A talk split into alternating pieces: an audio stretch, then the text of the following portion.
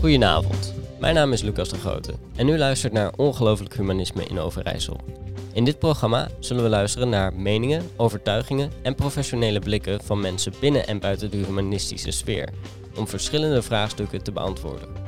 In deze aflevering zullen we kijken op twee manieren naar vrijheid. We zullen luisteren naar Nico van het Humanistisch Verbond, die zich daarnaast ook inzet voor de LHBTI-gemeenschap.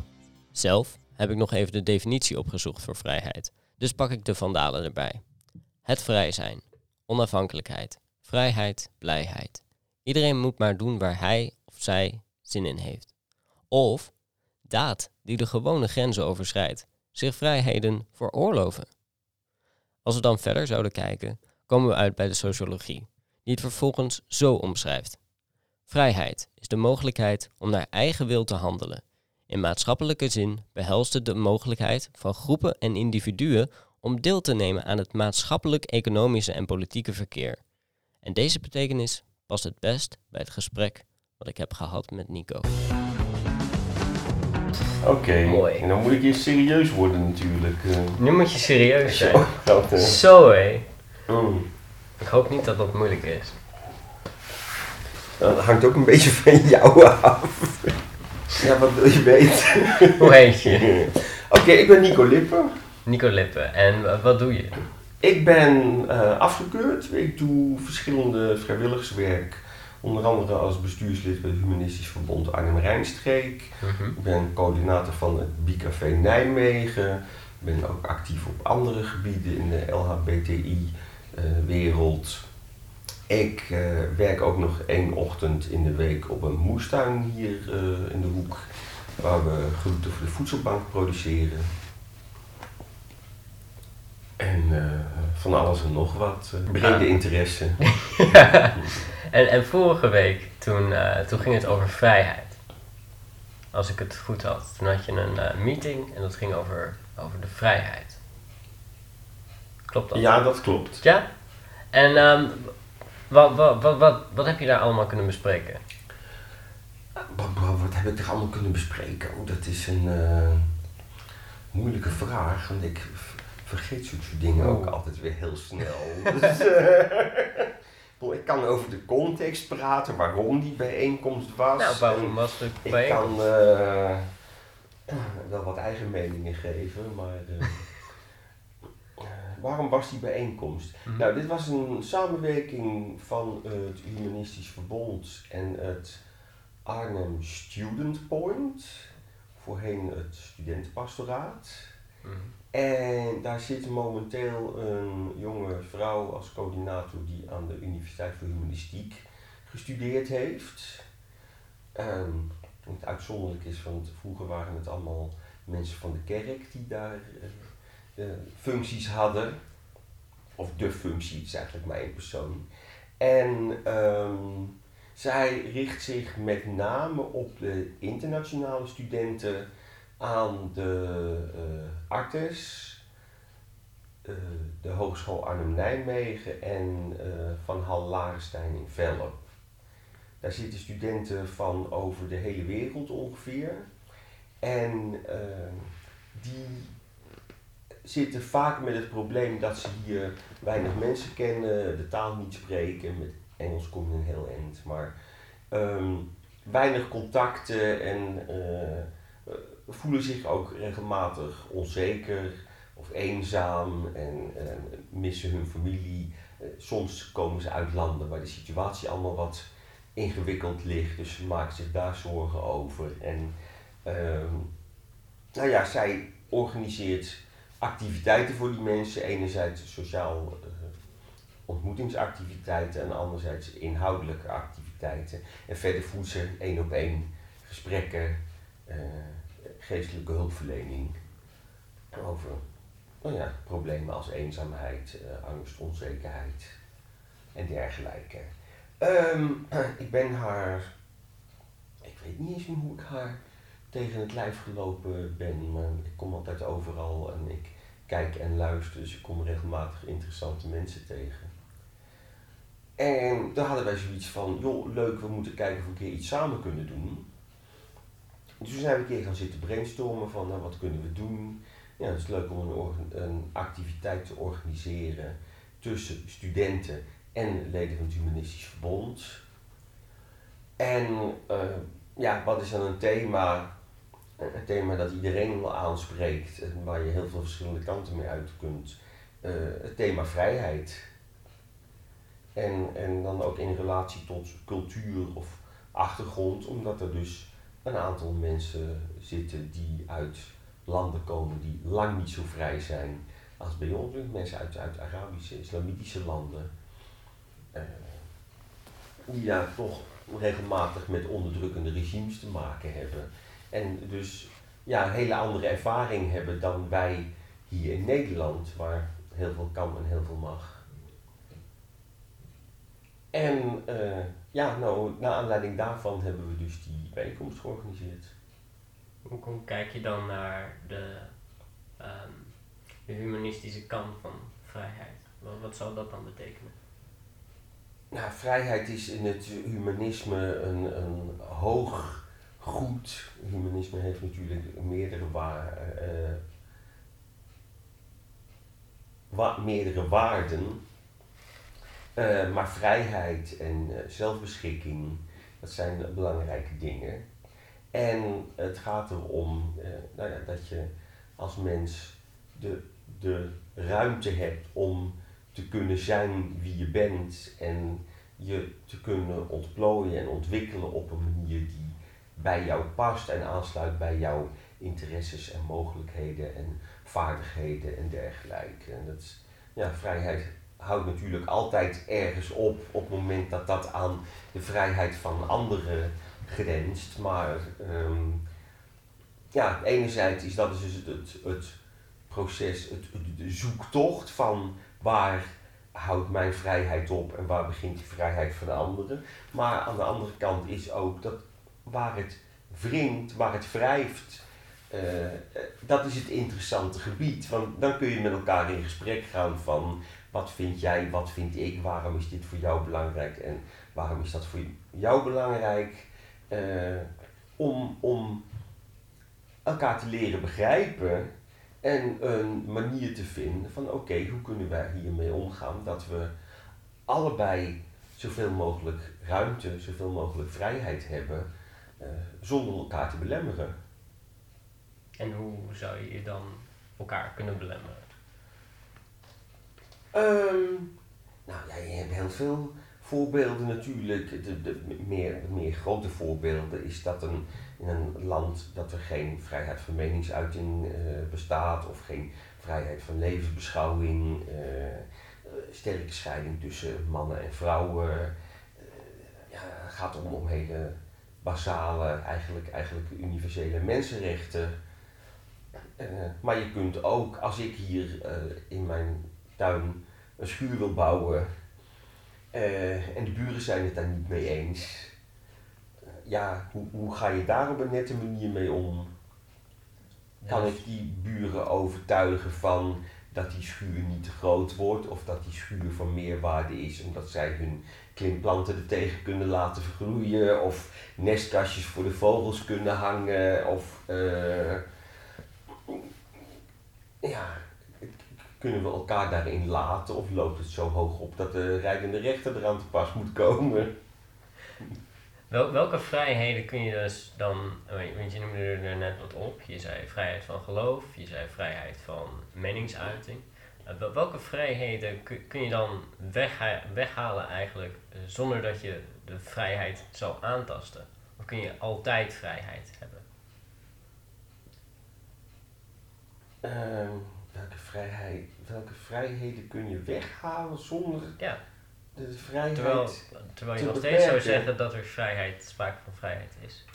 Ehm, oh, nou ja, het, het, verkeersregels en dergelijke. Dat zijn afspraken die we uiteindelijk zelf maken. Ik bedoel, niet jij en ik gaan rond de tafel zitten met de overburen. En, maar je stemt op een partij die zit in de Tweede Kamer. En daar wordt eh, het, het beleid en de wetten gemaakt. En daar worden afspraken gemaakt wat we in het algemeen acceptabel vinden. En als wij vinden dat je in de stad niet harder dan 35 km per uur mag rijden en er is een meerderheid voor, ja, dan, dan gebeurt dat. Ja, dan zijn er altijd mensen die zeggen van ja, maar ik wil 50 kunnen rijden in de stad of 60, maar ja, op die manier breng je wel de veiligheid van anderen in gevaar.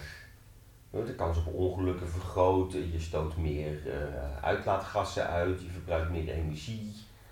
Dus dat is altijd een afweging. En, en ja, daar hebben we een overheid voor die, die geacht wordt te besluiten wat wijsheid is. En, en uh, je zei internationaal. Uh, wat, wat, hoe ervaar jij de, de vrijheid in Nederland? Uh, ja, de vrijheid in Nederland is groot.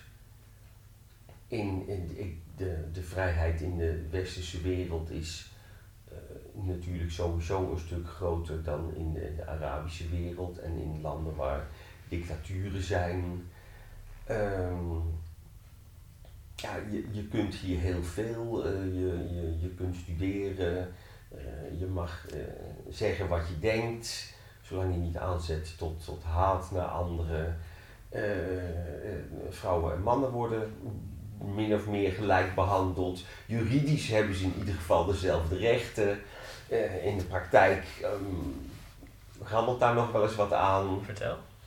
Um, ja, genderongelijkheid. Uh, vrouwen die uh, gemiddeld 14% minder betaald krijgen voor hetzelfde werk dan mannen. Um, vrouwen die veel meer parttime werken dan mannen. Wat dan weer niet door werkgevers opgelegd wordt, maar een soort van persoonlijke keuzes zijn maar die wel voortkomen uit een systeem. Er is een, een, onderzoek geweest onder studenten, dus mensen van ja, begin twintig, waar gevraagd werd van hoe zie jij jezelf, je toekomst voor je, met oog op werk, eh, relatie, gezin, huishouden, hobby's en dergelijke.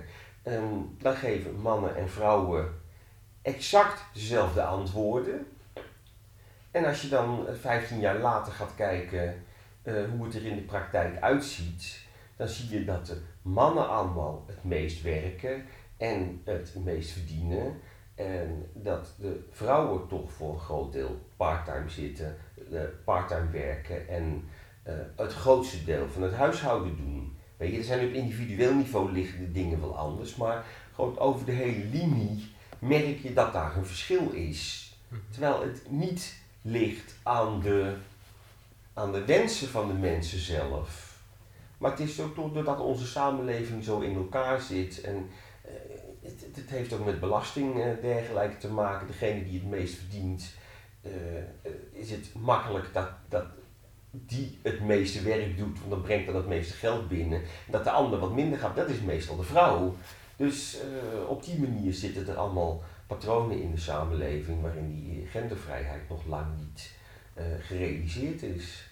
En omgekeerd ook van als vrouw mag je met, met, met kort haar en, en in een broek lopen, maar als je als man in een rok of een jurk gaat lopen, dan word je gewoon ook nog steeds heel gek aangekeken. Dan denken ze gelijk dat je homo bent. Of transgender, maar waarom zou een man niet in een rok mogen lopen? En ik, ik, ik vroeg naar vrijheid. Um, dus gelijkheid staat ongeveer op, op hetzelfde als uh, vrijheid in dit geval? Um, ja, de leus van de Franse revolutie was vrijheid, gelijkheid, broederschap. Mm het, het zijn wel verschillende dingen. Uh, je kunt vrijheid hebben zonder gelijkheid. We hebben in Nederland wel de vrijheid, maar we hebben niet de gelijkheid. Aan de hand van de voorbeelden die ik net gaf. Vrouwen kunnen theoretisch en juridisch uh, net zoveel werken als mannen, net zoveel verdienen of meer verdienen. Uh, maar kijk naar de politiek, kijk naar de leidinggevende functies. Ze zijn allemaal, uh, mannen zijn zwaar oververtegenwoordigd of vrouwen zijn zwaar ondervertegenwoordigd. Het is maar net van welke kant je het bekijkt. Ehm, wat was de vraag? Waar kwamen we van? Vrijheid, vrijheid hetzelfde is als gelijkheid. Ehm, nee, want je kunt natuurlijk ook in een onvrije situatie wel gelijk zijn. Mhm. Als je allemaal in de gevangenis zit, dan eh, ben je niet vrij. Je bent ten opzichte van elkaar natuurlijk wel weer vrij, maar in gevangenissen heersen natuurlijk ook allerlei hiërarchieën en gedragscodes en dergelijke en pikorders. Dus dat. eh, eh, dus, dus ja, ook, ook daar ziet het er voor de buitenwereld wel gelijk uit, maar, maar is het ook niet gelijkwaardig. Eh, En wat was de bedoeling eh, om met de eh, internationale studenten te gaan doen? Nou, de bedoeling was om een uitwisseling te creëren tussen de ervaring van die studenten.